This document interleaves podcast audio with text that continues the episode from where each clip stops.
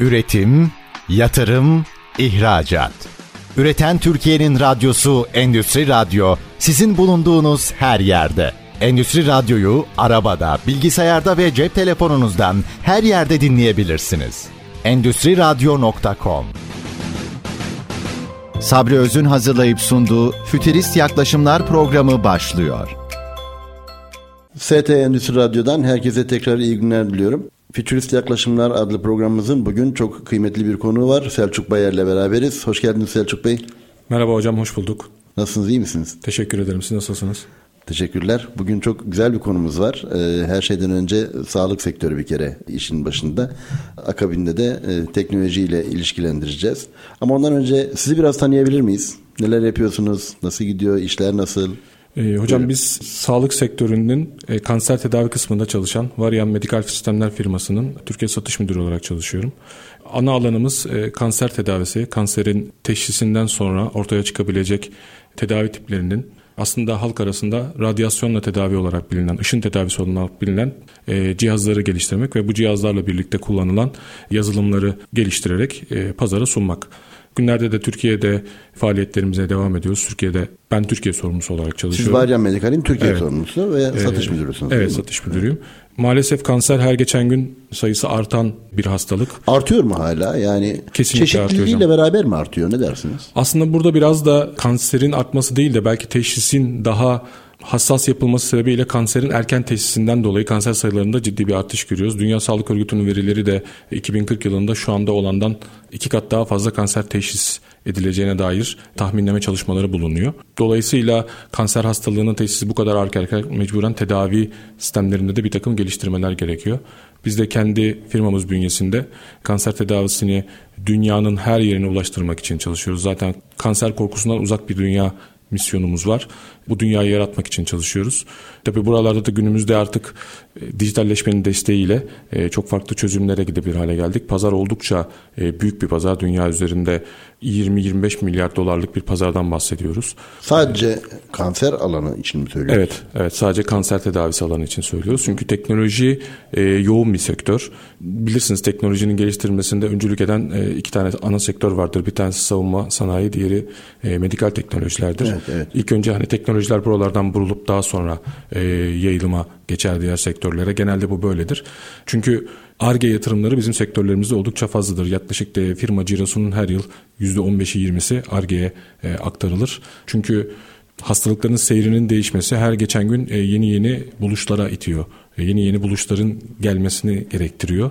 Dolayısıyla ARGE yatırımları burada oldukça önem kazanıyor. Aslında bizler hani ARGE için özel bir e, bölümünüz var değil mi? Tabii burada? ki var. Tabii ki. Dünyada işte Amerika'da, İsviçre'de, İngiltere'de sadece Macaristan'da, Türkiye'de henüz yok. Ha, ee, yok mu Türkiye'de? Türkiye'de henüz yok ama olmaması için bir engel de yok aslında. Biz bunlarla ilgili e, bir takım girişimlerde de bulunuyoruz. Çünkü güçlü bir insan kaynağımız var. Evet. Bu insan kaynağını kullanmak ve... Beşeri sermaye burada çok önemli değil mi? Yani Kesinlikle. E, işi işletecek insan kaynakları. Kesinlikle. Çünkü zaten hani dijitalleşme dolayısıyla bir takım artık ARGE çalışmaları dijitalleşmeye kayıyor. Sağlıkta özellikle. Dolayısıyla burada biraz daha insanın bu yazılımları geliştirecek, işte bu algoritmaları yazabilecek insanların e, olması ARGE süreçlerini biraz daha hızlandırıyor. Evet. E, ve bize diğer ülkelere göre bakacak olursak daha rekabetçi maliyetlerle çalışabildiğimiz için ülkemizde birçok firmanın ARGE çalışmalarını yaptığını biliyoruz. E, bizim firmamızda da inşallah e, buralarda bir ARGE e, üssü kurabilirsek hem ülkemize faydamız olur hem de insanlığa biraz daha faydalı olmuş oluruz diye düşünüyorum. Türkiye'de üniversitelerle ilgili e, çalışmalar da çok fazla var değil mi? Yani üniversitelerle anladığım kadarıyla reel sektörün bu anlamda çok fazla işbirliği var herhalde. Diğer sektörlere oranla en azından daha yoğun ee, sanki. Ne diyorsunuz bu konuda? Şöyle hocam, üniversitelerde aslında e, teknoparkların çok büyük etkileri var. Hmm. Ben aynı zamanda bir Melek A, Melek Yatırım A üyesiyim mentörlük yapıyorum startuplara, teknoloji tabanlı startuplara. Oradaki bakış açımda bunu isterseniz açıklayayım size. Çok fazla startup'ımız bu alanlarda faaliyet göstermeye başladı. Özellikle dijital sağlık alanında. Çünkü dijital sağlık alanı çok büyük yatırımlar gerektirmeyen bir alan. Buradaki sermayeniz tamamen az önce sizin bahsettiğiniz olduğunuz beşeri sermaye ve kafasında e, iyi bir iş fikri olan ve dolayısıyla bunları pazara penetre etmeye çalışan çok fazla genç arkadaşımız var. Biz de bunlara destek olmaya çalışıyoruz hem dernek bünyesinde hem de işte TÜBİTAK'ta da zaman zaman hakemlikler yapıyorum. Evet. Ee, arkadaşlarımıza destek olmaya çalışıyoruz. Çok iyi, çok güzel startuplar Türkiye'den çıkıyor. Ben Muhteşem. dijital sağlık alanında e, önümüzdeki 5-10 yıl içinde Türkiye'de ses getirecek bir takım startupların çıkacağını düşünüyorum. Süper, çok güzel. E, çünkü özellikle yapay zeka tarafında algoritma geliştirip bazı hastalıkların işte yönetilmesi, bazı hastalıkların teşhisi gibi süreçlerde çalışan startuplarda arkadaşlarımız var. Bunları öncülük eden hepimizin milli üniversiteler var. Bu üniversiteler gerçekten iyi şartlar sağlayabiliyorlar. E, kuluçka merkezlerini alıyorlar. Daha sonra e, teknoparklarını alıyorlar. Patent desteği veriyorlar. Ya benim hala hazırda bildiğim bizim sektörde hala hazırda iki tane patent başvurusu kabul edilmiş. Dünya çapına da patent başvurusu kabul edilmiş. iki tane startup şu anda Türkiye'de çalışıyor. Yani bu konuda sağlık teknolojileri alanında teknoloji geliştiren e, bir ülke olmak için e, hem üniversitelerin aslında hem de Sağlık Bakanlığımızın da Kalkınma Bakanlığımızın da bir takım destekleri var. TÜSEP diye bir kuruluşumuz var. TÜSEP kendisini e, sağlığın TÜBİTAğı olarak aslında biraz nitelendiriyor. TÜSEP, evet. TÜSEP, evet.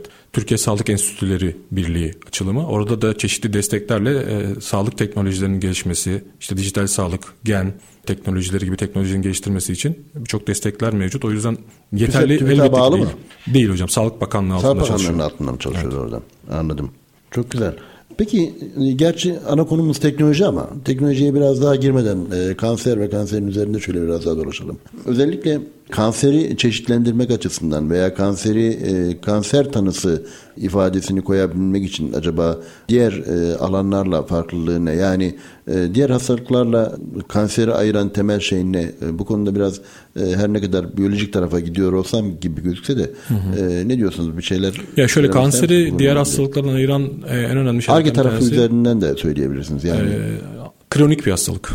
Yani kanser geldikten sonra vücudun tamamını etkileyebilecek seviyeye ulaşabiliyor. Yani sonuçta bir immün sistem problemi üzerinden aslında. Yani yaşam şartları, değişen şartlar, genetik birçok faktörü var kanserin. Ve kanserin farklı farklı bölgelerde farklı farklı etkileri var. İşte akciğerde çıkarsa farklı etkisi oluyor. İşte evet. e, beyinde çıkarsa farklı etkisi oluyor gibi lokasyonel farklı etkileri olan bir şey. Tabi burası biraz daha klinik taraf. E, benim yorumlamam çok doğru olmaz ama teknoloji açısından bakacak olursak da kanser tedavisi pahalı bir tedavi ve uzun süren bir tedavi ve teknolojiye ihtiyaç duyulan bir tedavi. Şimdi kanseri tedavi etmenin ilk aşaması erken teşhis etmek. Erken teşhis edebilirseniz kanserin tedavi edilme olasılığı çok çok fazla. Dolayısıyla burada teknolojiye ihtiyacımız var. Burada üç boyutlu görüntüleme yapan bilgisayarlı tomografi sistemleri kullanılıyor.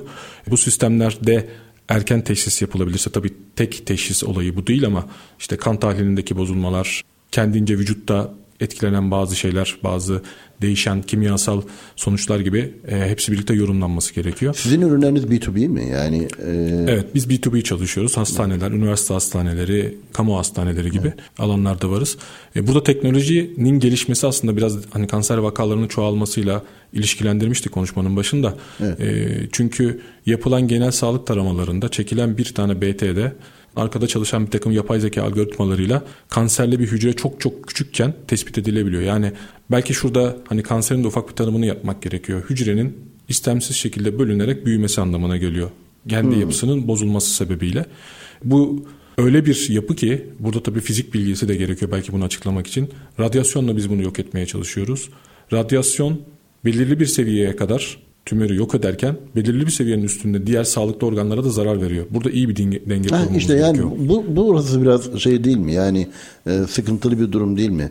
Elbette hani ilaç sanayine şöyle biraz baktığınızda gerçi ilaç sanayide değilsiniz onu anlıyorum ama Hani e, bir şeyi tedavi ederken başka bir şeyi e, çökertiyor olmak gibi bir yan etki diyoruz ya hani buna. Bu daha büyük tehlikeleri de beraberinde getirmiyor mu? Kemo, kemoterapi meselesine evet ben bir e, hani doçentliğimiz var elhamdülillah hani bir bilim tarafında e, hasbelkader bir noktadayız ama e, yine de belki de kızacaklar bana e, abim kardeşim de doktor. ama yani şu kemoterapinin Neyse çok girmesem acaba diye.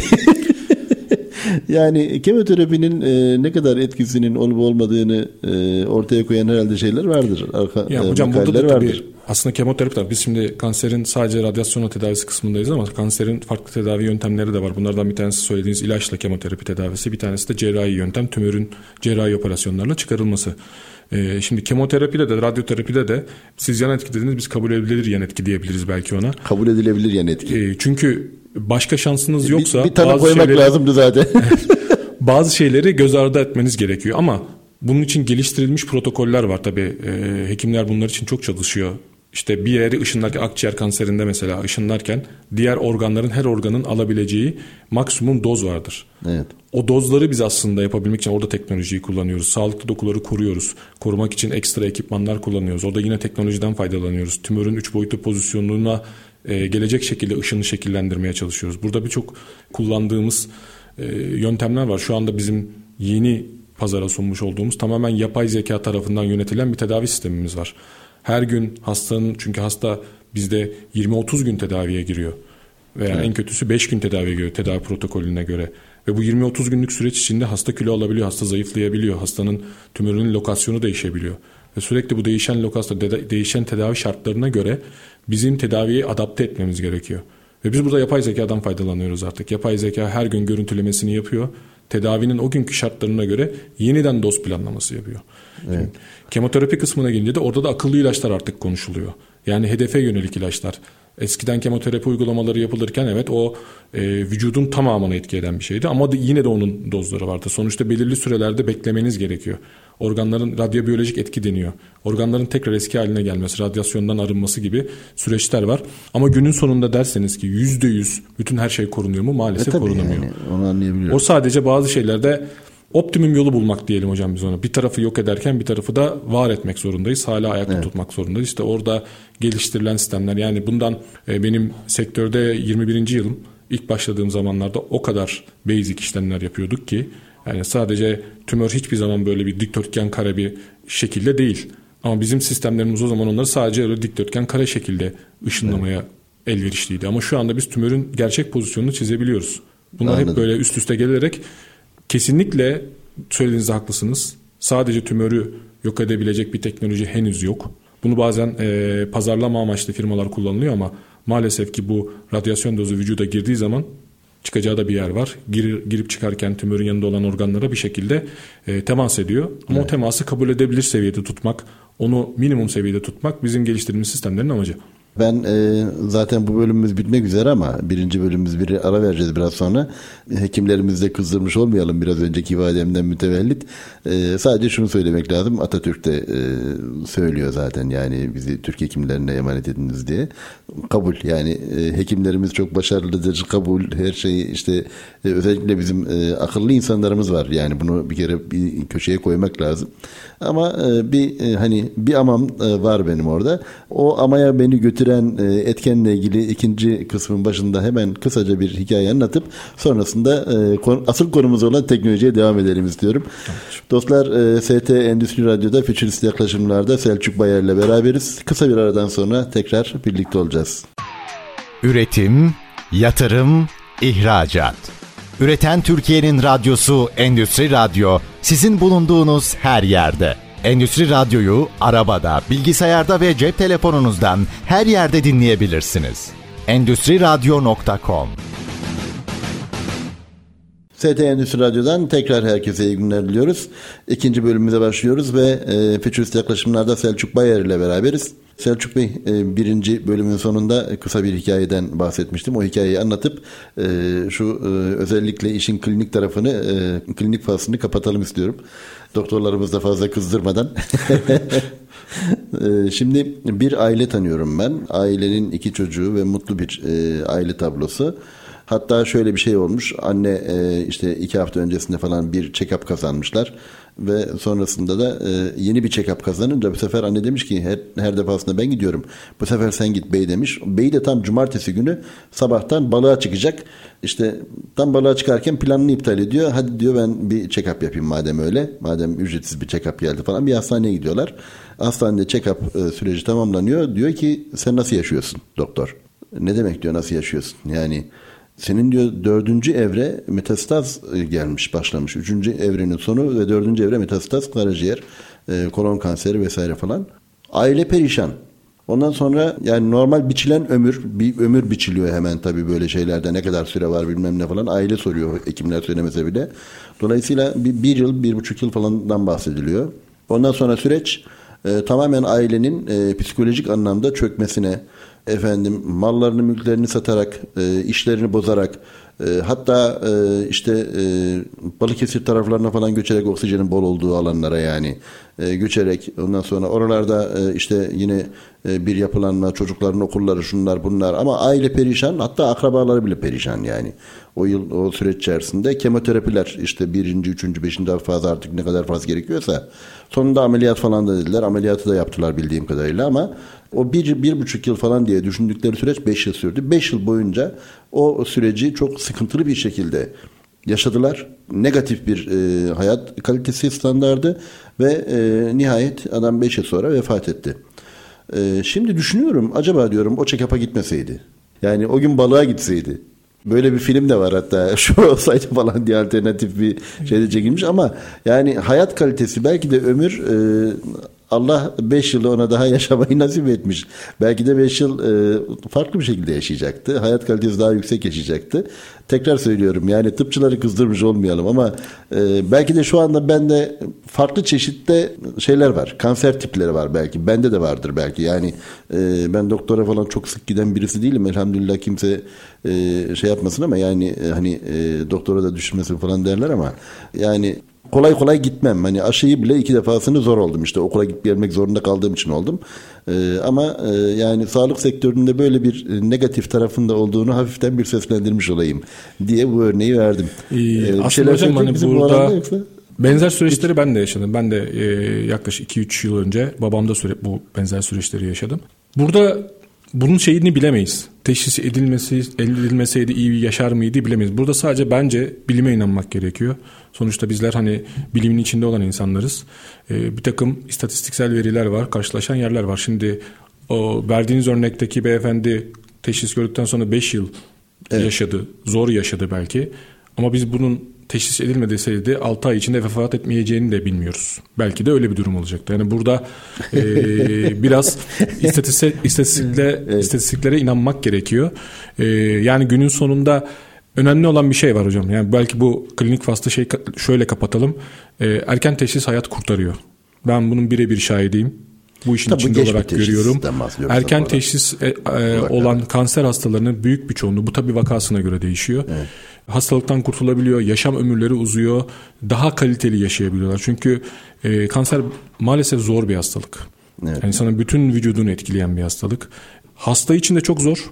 Hı hı. Hastanın yanında refakat eden ailesi Aynen için de öyle. çok zor. Aynen öyle. Çünkü bazen çaresizliği yani. çaresizliği hissedebiliyorsunuz. Yani elinizden hiçbir şey gelmiyor. Gözünüzün önünde birileri eriyor, gidiyor. Bu sizin Aynen sevdiğiniz. Günün sonunda bizim yani bu bizim başımıza da gelebilir de herhangi bir yakınımızın başına geldiğinde yapmamız gereken şey ona en iyi tedaviyi sunmaya çalışmak.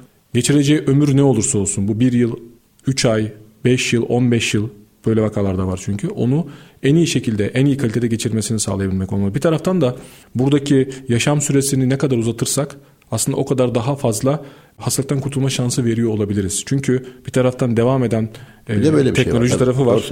Arge çalışmaları var, Hı-hı. ilaç çalışmaları var. Belki e, seneye biz artık kanser aşısını konuşa olacağız. Çünkü bunun emarelerini de gördük. BioNTech firması bir takım vakalarda artık test aşamasına geçti. Yani insanlı testler aşamasına geçti.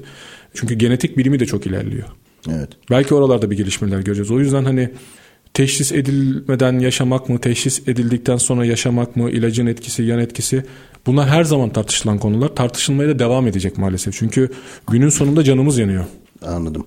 Doğru söylüyorsunuz. Burada psikolojik etkiler devreye giriyor. Söylediğiniz örneklere farklı örnekler de duyuyoruz. Hani ne kadar doğrudur bilmiyorum. İşte e, tedavi reddetti, işte oksijeni bol bir yere gitti, beslenmesini düzeltti, stresten uzak kaldı gibi daha işte iyileşmesine yardımcı oldu gibi şeyler de duyuyoruz. Evet, evet. Ama yani Türkiye'de her yıl sadece Türkiye rakamları için konuşayım e, yaklaşık e, 160-170 bin kişiye kanser tanısı konuyor. Bu evet. hiç az bir rakam değil. Ve bu, bu rakamlar her geçen gün artmaya devam ediyor. Çünkü yaşam koşullarımız her geçen gün kötüleşiyor. Stresin içindeyiz. Büyük etkenlerden bir tanesi. İkinci büyük etken de yaşam süremiz uzuyor. Artık dünya üzerindeki yaşam süresi neredeyse 80'lere ulaştı. Bu Türkiye'de e, 81 kadınlarda 79 erkeklerde. Evet yani 80'li rakamlara ulaştı. Yani doğumda beklenen yaşam süresi en azından. E, bunlar daha öncesinde biliyorsunuz yani 10-15 yıl öncesinde 65'ler 70'ler civarındaydı. Tabii, tabii, tabii. E, uzadıkça ömür Daha da uzayacağı da e, Evet uzayacak. Uzayacak çünkü hani kendimize daha iyi bakmaya çalışıyoruz bir taraftan. Yani büyük şehirlerde bu çok zor evet. Bunu kabul ediyoruz. Büyük şehirlerde yaşarken biz bunları görüyoruz. Hiçbir şey olmasa şuraya gelirken bile trafikte evet. birçok stresin içine giriyoruz, çıkıyoruz. Bunları yönetmek gerekiyor. Belki hani işte erken teşhis dediğimiz bir de koruyucu önlemler de almamız gerekiyor. Düzgün beslenmemiz gerekiyor. Uykumuza dikkat etmemiz gerekiyor. Spor yapmamız gerekiyor.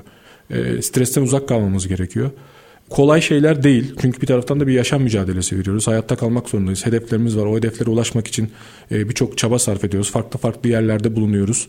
E, kendimizi strese sokuyoruz. Rekabet içindeyiz. Her ne kadar hiçbirimiz rekabet içinde olmadığımızı iddia etsek de bu hayatın içinde herkes bir rekabet içinde. Hiçbir şey yapmazsanız metrobüse binerken yanınızdaki geçmeye çalışıyorsunuz. Aynen öyle. yani bunların hepsinin bizim üzerimizde bir stres etkisi olduğunu ben düşünüyorum. Evet, evet. Ee, sürçülisan ettiysek affola. Yani en azından ben ettiysem bir takım şeyleri söyledim çünkü ama şurası da bir gerçek tabii. Yani e, endüstriye dönmeden eğer e, bu işi sürdürebilirsek bilim adına az önce e, sizin de ifade ettiğiniz gibi o zaman bilimsel anlamda ilmin götürdüğü noktaya kadar elbette e, ilerlemesinde fayda var elbette söylediğiniz gibi. insanlık açısından, toplum açısından. Kesinlikle. Ee, biz bu faslı kapatalım. İyi olur. Yoksa sağlığın, sporun endüstri haline dönmesiyle ilgili bir girecek olursak zaten ayrı birkaç tane daha program yaparız. Ee, teknolojiye dönelim bence. En son Metaverse kitabı altında bir bölümünüz vardı sizin. Ee, dilerseniz oradan da e, başlayabiliriz veya sizin Metaverse ortamında verdiğiniz eğitim de var yine ikizleştirme üzerine. Neler yapılıyor sağlık sektöründe ve e, sizin alanınızda? Metaverse'e geçmeden önce klinik konuyu başka bir e, yine çalışmamla bağlamak istiyorum. Şimdi Buyurun. hep yapay zekadan bahsettik. Bir taraftan da e, hekimlerden bahsettik. Günün sonunda hekimler bu işe karar veriyor. Siz de dediniz işte beni Türk hekimlerine emanet ediniz demiş Mustafa Kemal Atatürk. Ben bir çalışma yapıp çünkü kanser tedavi teknolojileri yapay zeka kullanımı oldukça arttı.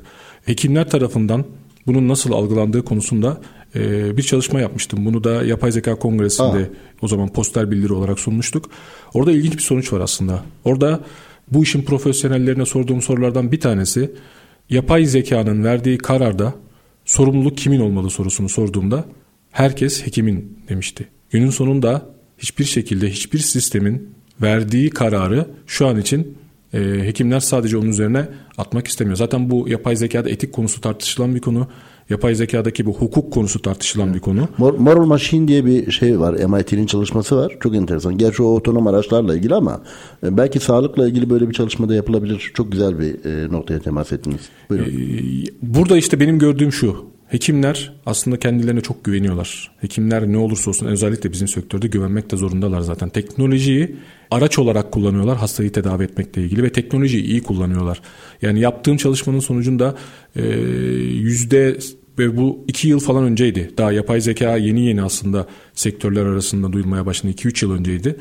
Yüzde 85'i yapay zekanın ne demek olduğunu biliyordu yapay zekanın e, kanser tedavisinde nasıl kullanılabileceğini biliyorlardı. Böyle bir farkındalıkları vardı. Yani hekim olmak yanında aslında birer teknoloji uzmanı gibi de davranıyor bizim hekimlerimiz. Çünkü tedaviyi yapabilmek için bu cihazlara ihtiyaçları var. Bu cihazları iyi kullanabilmek için de teknolojiyi bilmeleri gerekiyor. Güncel teknolojiyi takip etmeleri gerekiyor evet, değil mi literatürü? Aynen öyle evet.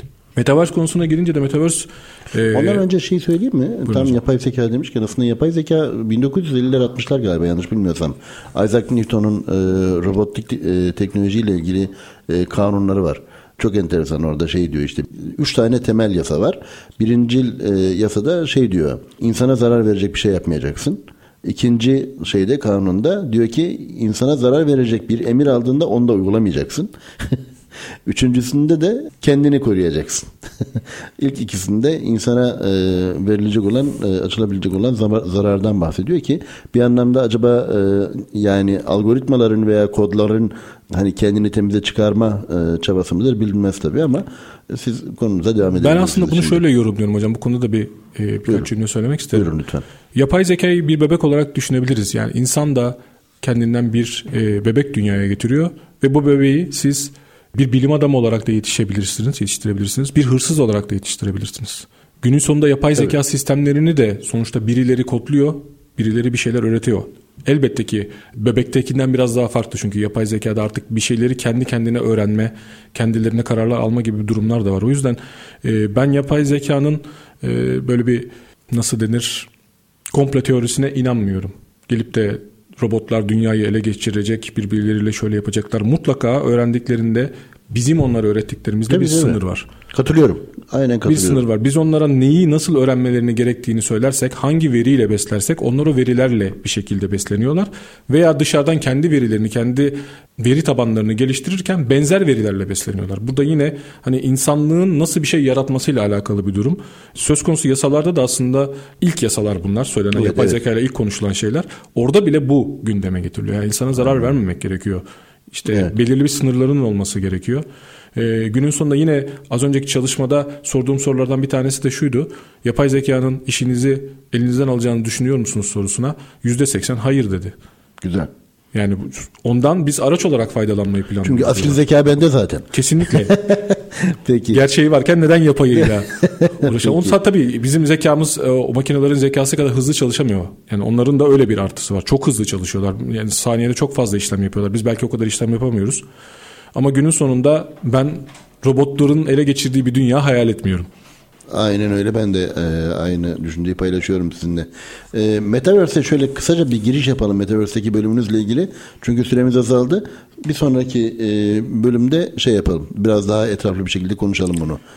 E, Metaverse hem yatırımcıların hem de teknoloji uzmanlarının çok büyük beklentileri olan bir alan bana göre. Sanal bir alan. Pandemi etkisiyle de daha çok gündeme gelen bir alan bence. Çünkü pandemide biz e, evlere kapanmak zorunda kaldık. Hiçbir sosyal yaşantımız olmadı. E, işimizin de e, evden işte çeşitli uzaktan bağlantı çözümleriyle yapabilir hale geldiğini gördük. Ve burada Metaverse'ün de hızlandırıcı bir etkisi olacağını görüyoruz. Sonuçta sanal bir evren yaratılacak.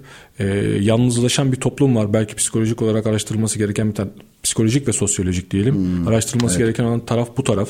Ee, biz tabii işin sağlık sektörünü nasıl etkileyeceği konusunda e, ben araştırmalar yaptığımda gördük. Sağlık sektörü Metaverse'ten bence O, olumlu. o araştırmaya geçmeden önce e, bir ara verelim mi? Tabii ki hocam. Selçuk Bey izninizle. ST Endüstri Radyo'da işi uzmanından e, dinliyoruz. İşi uzmanından öğrenmeye çalışıyoruz. Selçuk Bayer'le Fütürist Yaklaşımlar programımız aradan sonra devam edecek. Üretim, yatırım, ihracat. Üreten Türkiye'nin radyosu Endüstri Radyo sizin bulunduğunuz her yerde. Endüstri Radyo'yu arabada, bilgisayarda ve cep telefonunuzdan her yerde dinleyebilirsiniz. Endüstri Radyo.com ST Endüstri Radyo'da Fütürist Yaklaşımlar'da Selçuk Bayer'le beraberiz. Son bölümümüze geliyoruz. Selçuk Bey, evet Metaverse ve sağlık diyorduk. Ee, özellikle Metaverse adlı kitapta Rıdvan Yılmaz, e, Sabri Öz ve Cengiz e, Akyıldız'ın yazmış olduğu kitapta bir bölümünüz vardı. Bu bölümden de bahsederek sizden ricamız e, etkilerini şöyle biraz e, konuşuyor olmak, sohbet ediyor olmak. Buyurun. Kitap çalışmamızda Metaverse'ün e, sağlık sektörü üzerindeki etkilerini incelemeye çalıştık. Dediğim gibi Metaverse dünyayı dönüştürecek bir teknoloji olarak görüyorum ben.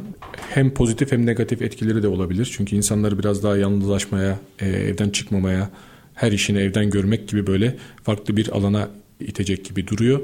Ve fakat sağlık sektörüne gelecek olursak sağlık sektöründe Metaverse alanlarının kullanımıyla birlikte özellikle e, sağlık sektöründe eğitim aşamasında çok ciddi pozitif etkileri olacağını düşünüyoruz. Bununla ilgili birçok yayın var şu anda halihazırda devam eden. Şöyle örnek vermek gerekirse e, cerrahi olarak çok gelişmiş uygulamaların yapıldığı dünya üzerinde isim sahibi olmuş üniversiteler var ve burada hocalar var. Bu hocaların yaptıkları cerrahi ameliyatları metaverse ortamına taşıyarak herhangi bir ülkedeki kilometrelerce uzaktaki, binlerce kilometre uzaktaki herhangi bir ülkedeki tıp öğrencilerinin de o ameliyatı orada yapıyormuş gibi görme etkilerini göreceğiz. Ve dolayısıyla eğitim kalitesi e, bir anda artacak. Yani o öğrencinin, o hocanın ameliyatına girme şansı başka hiçbir şekilde mümkün olmayabilir. Hem fiziksel olarak orada olması mümkün olmayabilir. E, hem zaten klinik olarak operasyonun içinde olması çok mümkün olmayabilir. Ama öyle bir tabi burada biraz da sanal gerçeklik teknolojileri de e, altında yatan teknolojilerden bir tanesi de bu. Bunun yanında yine aynı doktor sanal gerçeklik teknolojisiyle metaverse üzerinden bağlanarak bir metaverse ortamında Türkiye'deki bir hastayı ameliyat edebilir hale gelebilecek. Çünkü cerrah robotlar var. Bu robotların e, uzaktan kullanılması mümkün. Kendisini buradaki ameliyathanede gibi görerek o işlemi yapma şansına sahip olabilecek. Bunun yanında İşin tabii senkronizasyonu ve hızı çok önemli değil mi? Yani altyapının e, bağlantı hızının e, Ya orada tabii hocam hani e, etkileri konuşulurken burada altında yatan teknolojileri de konuşmak gerekiyor. Bu teknolojiler aslında Endüstri 4.0'ın da bileşenleri işte IoT dediğimiz Internet evet. of Things, e, bağlantı teknolojileri, e, şu anda işte 5G'yi konuşuyoruz, 6G evet testleri yapılmaya Rıdvan Yılmaz'la böyle program yapmıştık. Evet. evet. yani bunlar hepsi onu etkileyecek e, düzeyde. Elbette ki önemli olan şey aslında bu hani teknik olarak latency denen gecikme kısmı bu işte. Buralarda çünkü karşınızdaki canlı bir hasta ona bir işlem yaparken e, o gecikmenin hiç olmaması gerekiyor. Çünkü yaptığınız Tabii. operasyon e, insan sağlığı insan yani. sağlığını etkiliyor. Evet, Dolayısıyla bu teknolojilerin de gelişiyor olmasıyla zaten biz aslında Metaverse ortamında biraz daha bazı şeyleri yapabilir hale geldik. İkinci bir teknoloji aslında dijital ikiz teknolojisi. Dijital ikiz teknolojileri sağlıkta çok fazla kullanılmaya başlandı.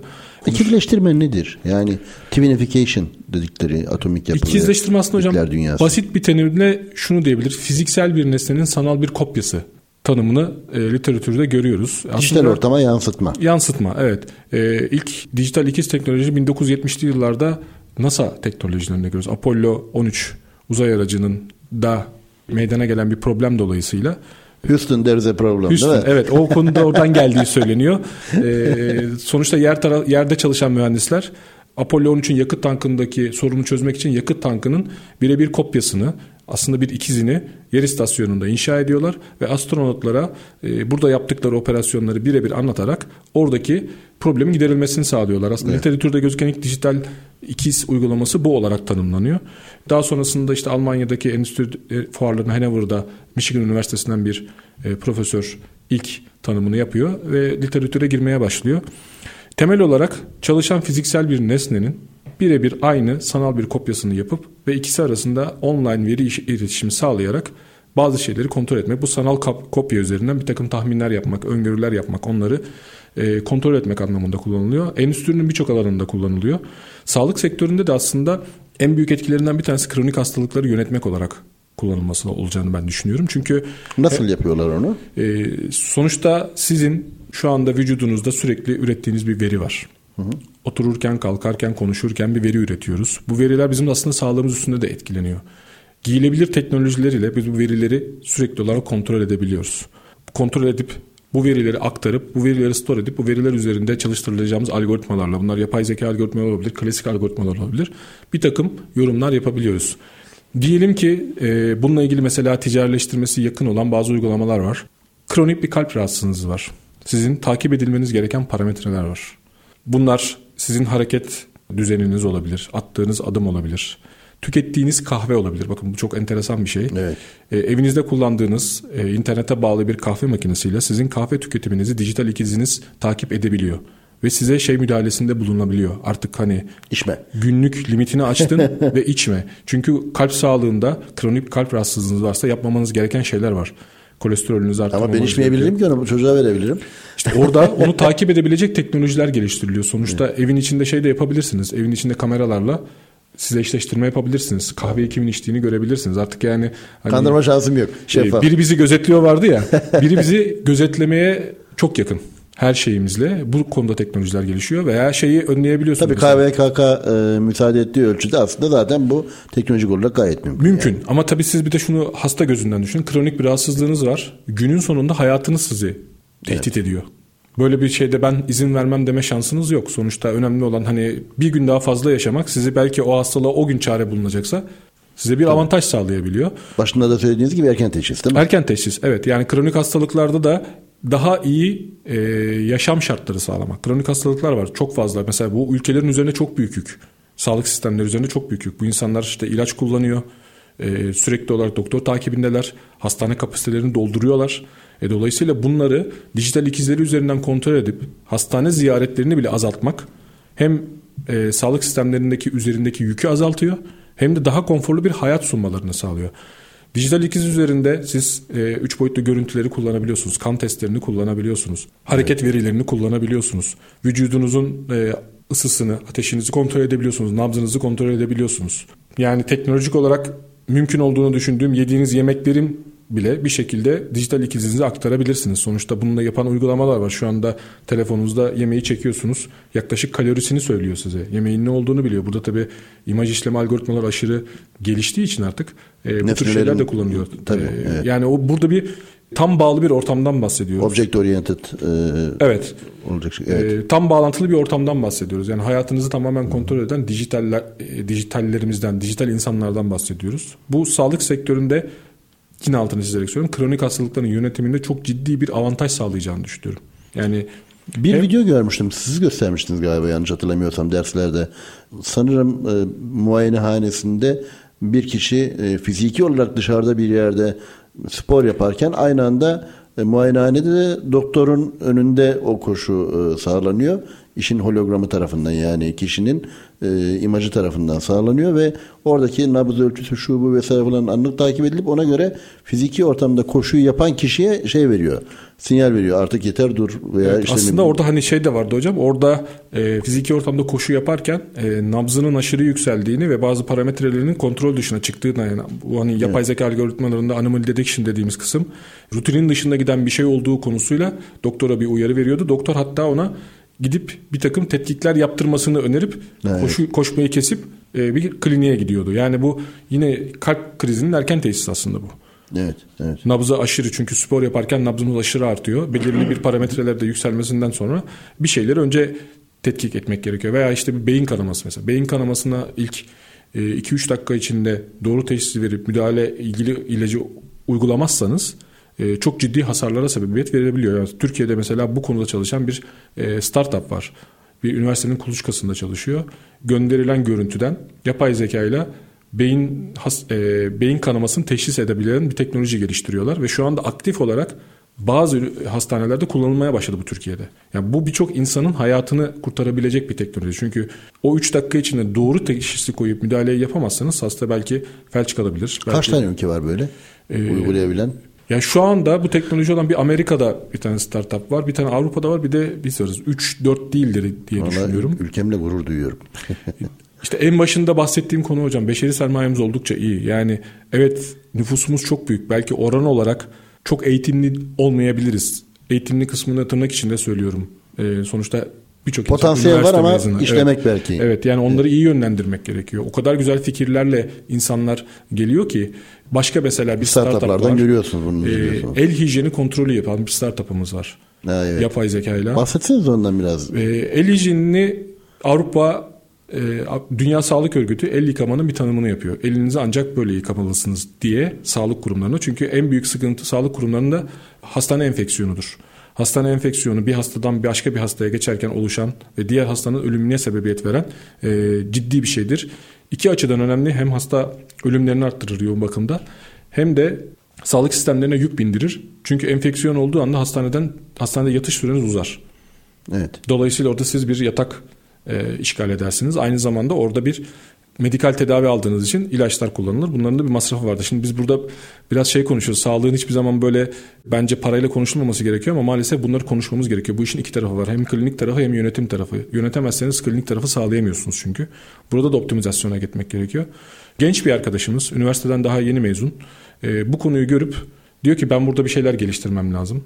Belki ben bunu bir e, yöntemle azaltabilirim diyor. Üzerinde çalışmaya başlıyor. Yoğun bakımda çalışan kişilere e, yine bu Internet of Things ile internete bağlı çalışan bir takım kimlikler veriyor üzerlerinde. Güzel. Ve hastaları, hastane yataklarının etrafına bir alan oluşturuyor. Dijital bir alan. Eğer ki siz Dünya Sağlık Örgütü'nün öngördüğü şekilde bir kamera sistemiyle elinizi yıkamadıysanız, Uyarı veriyor. elinizi yıkadınız veya belirli bir süre geçtiyse, Ha, evet. elinizi yıkadınız başka bir hastaya gittiniz, ikinci bir hastaya gidiyorsanız kesinlikle uyarı veriyor. Süper. Ve şu anda Türkiye'de e, birkaç üniversite hastanesinde testleri bitti. Ölüm oranlarını düşürdüğünü tespit ettiler. Muhteşem. Peki Yoğun şey e, bu ticarileşti mi? Ticaretleşti şu anda aktif olarak satış yapılıyor. Ha, harika. Yani Ee, güzel. bu bir kişilik bir gencin e, kafasına gelen bir kıvılcımla tabii burada pandemi etkisi de oldu. O pandemi etkisiyle ortaya koyduğu bir şey. Hatta hani burada biraz daha e, ölçeklenebilir bir teknoloji. Farklı yerlere de kanalize etmeye başladı. E, gıda sektöründe kullanıyor. Gıda sektöründe hizmet veren kişilerin el hijyenini sağlaması da önemli. Her alanda aslında gerekli değil mi? Evet. Yani, yani farklı geçen, farklı versiyonlarını geliştirip birçok kere e, bu işin ticaretini yapmaya başladı. Geçenlerde şeyde görmüştüm galiba bir e, tam raporun kaynağını hatırlayamayacağım ama e, Avrupa'da, Türkiye'de e, yani ülkeler nezdinde lavabodan çıktıktan sonra elleri yıkama alışkanlığı ile ilgili bir e, anket yapılmış. Türkiye çok iyi durumda. Yani %96'lar seviyesindeydi yanlış hatırlamıyorsam. Bizden daha iyi galiba. Bir tek Hırvatistan ne bir şey vardı. Hı hı. Onun dışında Avrupa felaket. Felaket ama. Maalesef. güzel her alanda kullanılabilir biraz önce ifade ettiğiniz ürün. Çok güzel. Yani hani bizi burada beni açıkçası çok mutlu olan taraf ölüm oranlarını düşürmesi. Yani evet. bir insanın bile hayatını kurtarabiliyorsanız bu çok büyük bir şeydir. Onun için de çok büyük bir mutluluk. O tabii tabii bambaşka bir e, şu anda ruh halinde bir girişimi yapmanın, bir şeyleri başarmanın, işte şimdi yurt dışından bir takım yatırım talepleri geliyor, onları görmenin e, mutluluğunda. Yani böyle ülkede çok fazla e, çalışan genç arkadaşımız var. Bunlar desteklemek gerekiyor. Evet, var. evet. Desteklendiği evet. sürece de ben Türkiye'de rekabetçi bir takım ürünlerin çıkacağını düşünüyorum. Çünkü normalde ben de şimdi e, teknoloji geliştiren büyük firmalardan bir tanesindeyim. Bu firmalar çok fazla değil sayısı. E, evet. Genelde de işte Amerika ve e, Avrupa tabanlı firmalar var. O sağlık sektöründe büyük olanlar. Ama tabii biz artık şeyi görmeye başladık. Startupların bu büyük firmaları bir şekilde zorlamaya görmeye zorladığını görmeye başladık. Dolayısıyla bugünün sonunda bir takım şirket birleşmelerine de evriliyor. Büyük firmalar gidip bu teknolojileri paralar verip satın almaya başlıyor. Sizin şirketinizde de şirket e, evlilikleri ve birleşmeler, devralmalar vesaire falan var aslında. Onlar da konuşmak istiyorduk ama zaman biraz tamam. e, sorunlu bugün için. Ondan bir şeyler Şöyle kısaca şöyle bahsedeyim. Buyurun. Şirket birleşmeleri hem Türkiye için hem dünya için çok gündemde olan bir şey. Bazı evet. şeyleri konsolide etmek gerekiyor. Çünkü birleşme devralmalar. Birleşme devralmalar. Evet. Benim evet. çalıştığım şirket bambaşka büyük büyük bir medikal e, şirket tarafından 2 yıl önce 16 milyar dolara satın alındı. Hı hı. E, ve birleşmenin amacı bir sağlık kurumuna tüm medikal cihazları tek elden sunmaktı. Şimdi burada konsolidasyondan bahsettiğim şey bu. Yani biz sadece bir alana hizmet verirken bizi satın alan diğer büyük firma hastanenin birçok alanına hizmet veriyor. Dolayısıyla orada bir konsolidasyon sağlanıyor. Güzel.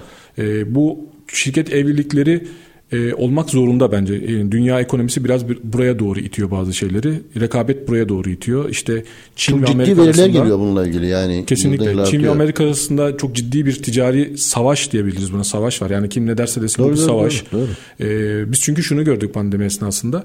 Bunu belki okumuşsunuzdur birçok yerlerde. Çin gönderdiği konteynerları Amerika boş konteynerları kendi elinde tutup geri göndermiyordu ve Çin'in e, dış ticaretini etkilemeye çalışıyordu. Ve bu günün sonunda bazı transport maliyetlerinin artmasına sebebiyet oldu. Uzun bir süre belki 5-6 kaçına çıktı. Sadece bu olmayabilir ama birçok etkenden dolayı Çin'den gelecek malzemelerde uzun süre sıkıntı yaşandı. E bir taraftan çip krizi var. Çip krizi de sizin tarafınızdan takip edilen bir konu.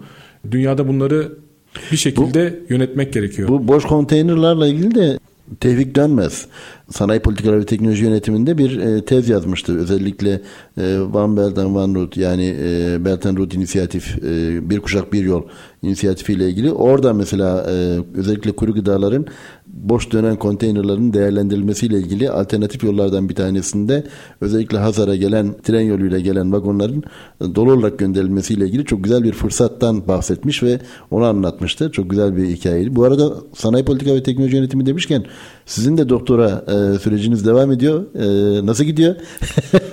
Tez hazırlamaya çalışıyoruz hocam. Bakalım. Güzel son yani, aşamaya doğru geldin. Biraz, evet. Sona yaklaştık ama tabii oldukça yoğun. İş Tebrik Çok güzel bir dönem geçirdik. Çok kolay sizinle. gitmiyor ama başladık bitireceğiz. Peki. Fütüristik yaklaşımlarda bugün e, Selçuk Bayar ile beraberdik ST Endüstri Radyo'da. Çok güzel konular konuştuk. E, biraz belki birinci bölümde klinik vakalara ve e, doktorlarımıza hafiften dokunmuş olabiliriz. Dediğim gibi sürçülisan ettiysem affola. Yani benden yana büyük bir ihtimalle bir şeyler gelmiş olabilir. Ama e, düşündüklerimi söyledim. Yani yaşadıklarımı söyledim, anlattım. İkinci bölümde metaverse üzerine, sonraki bölümde de e, teknolojinin sağlık sektörü üzerine gelişimlerini konuştuk. Güzel örnekler verdik. E, ağzınıza yüreğinize sağlık. E, ilave etmek istediğiniz bir şeyler daha var mı? Teşekkür ederim Son sözlerinizi hocam. alabilirim. Daveti, Şunu da söylesem iyi olur diyeceğiniz. ben yine başladığım gibi bitireyim. Erken teşhis hayat kurtarır diyorum. Mutlaka e, insanların kendi sağlıklarını kontrol etmelerini öneriyorum. Peki. Günün sonunda tedavi edilemeyecek hastalıklar var mı? Var ama biz bunlarla birlikte yaşamayı sağlayabilecek teknolojik altyapıya sahibiz. Ben de her zamanki gibi bitireyim. İlim ve bilim yolundan herkese saygı ve sevgilerimizi sunuyoruz. Hoşçakalın.